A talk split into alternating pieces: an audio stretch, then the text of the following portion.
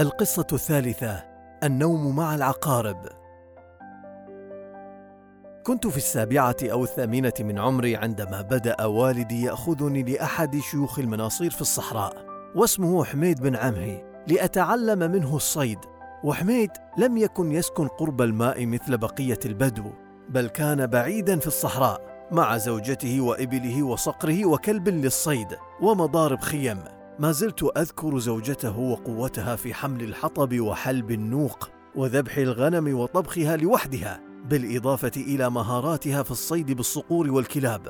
ما زلت أذكر وجبتها التي كانت تعدها عندما لا يكون هناك صيد وهي عبارة عن خبز بدو غليظ أو قرص مطبوخا تحت الفحم والرماد ومطحونا بالرشاد بعد تنظيفه ومضافا إليه الدهن والعسل. حيث كنا نشرب معها حليب النوق كانت وجبة فاخرة في برد الصحراء كان أبي يتركني مع حميد بالأيام.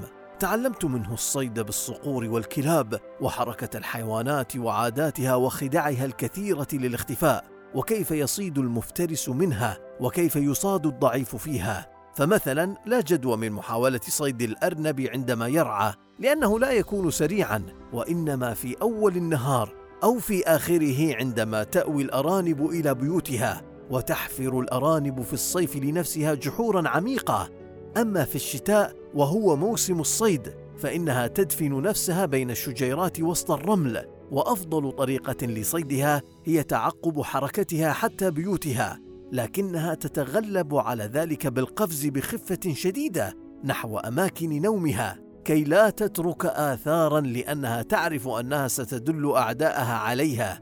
كان أقدامها قطع من القطن الخفيف على الرمل ولا يرى تلك الآثار إلا الخبير بها وبعاداتها وبالصحراء وحركة الرمال فيها. تعلمت من حميد الكثير عن الصقر وعاداته وكلب الصيد وطبائعه.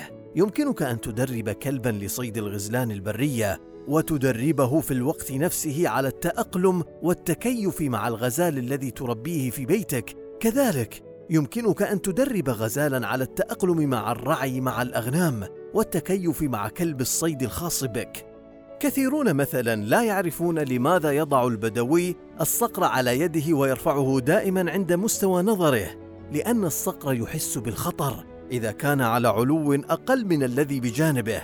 عدو الصقر هو النسر ودائما يحذر ممن على ارتفاعه عنه وقد يهاجمه بعد يوم مليء بالصيد ودروسه كنا نجتمع حول النار للعشاء والحديث الذي لا يمل ذكريات ما زالت محفورة في ذاكرتي بجمالها وشغفها وحتى بآلامها. نعم آلامها. لا يعادل دفء الفراش في الصحراء الباردة بالليل أي شيء. لكنني كنت أستيقظ عدة مرات على لدغات عقارب صغيرة. يبدو أنها كانت تبحث عن الدفء أيضا في فراشي. أقوم متالما بشدة.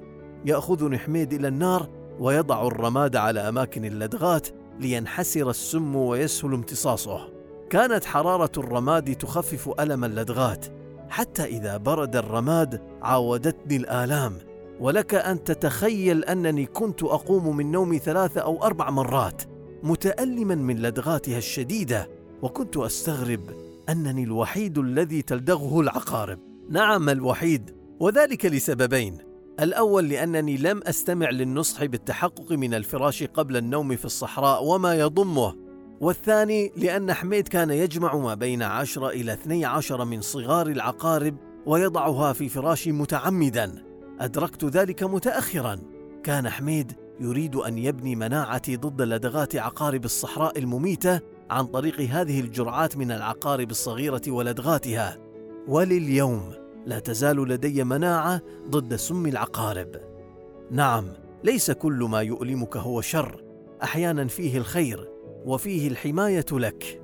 قبل سنوات قليلة كنت أطارد عقربا كبيرة في الصحراء حتى دخلت بين بعض الشجيرات الصغيرة والتفت على نفسها. لم أكن صريحا لألتفت وأنا أرجع بخطواتي للوراء فلدغتني بكل قوتها.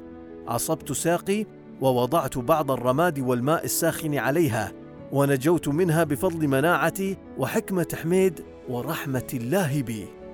عقارب الصحراء أهون من عقارب البشر. بالمناسبة عقارب الصحراء تبحث في الليل عن الدفء فقط ولا تلدغ بل تغادر الفراش مع انحسار برد الليل. لا تلدغ العقارب إلا إذا أحست بالخطر. ولكن هناك عقارب من البشر تحب أن تلدغ وتؤذي. تقول العرب كثرت العقارب بينهم. أي النمائم والوشايات؟ نعم النمائم والوشايات تؤذي النفوس وتدمر العلاقات وتخرب روح الفريق. لا أحب الوشاة والنمامين. يفسدون قلبك ويغيرون صدرك على الناس ويحطمون المعنويات في المؤسسات. ويقللون من حجم الإنجازات ويركزون فقط على السلبيات. لا يذكرون خير الناس ولا الحسنات. هم أصحاب وجهين. لا يدفعهم للنميمة إلا الحسد. تقول العرب السعاية قبيحة وإن كانت صحيحة. خاطب أحد الملوك أحد جلسائه المخلصين بلغني عنك كذا وكذا. قال والله ما فعلت ولا قلت.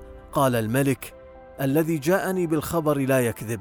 فرد عليه لا يكون النمام صادقا أيها الملك. قال صدقت. يقول الشاعر من قال في الناس قالوا فيه ما فيه وحسبه ذلك من خزي ويكفيه. من نم في الناس لم تؤمن عقاربه عن الصديق ولم تؤمن أفاعيه. كالسيل يجري ولا يدري به أحد من أين ولا من أين يأتيه.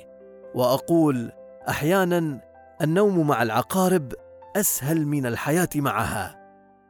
رحمك الله يا حميد.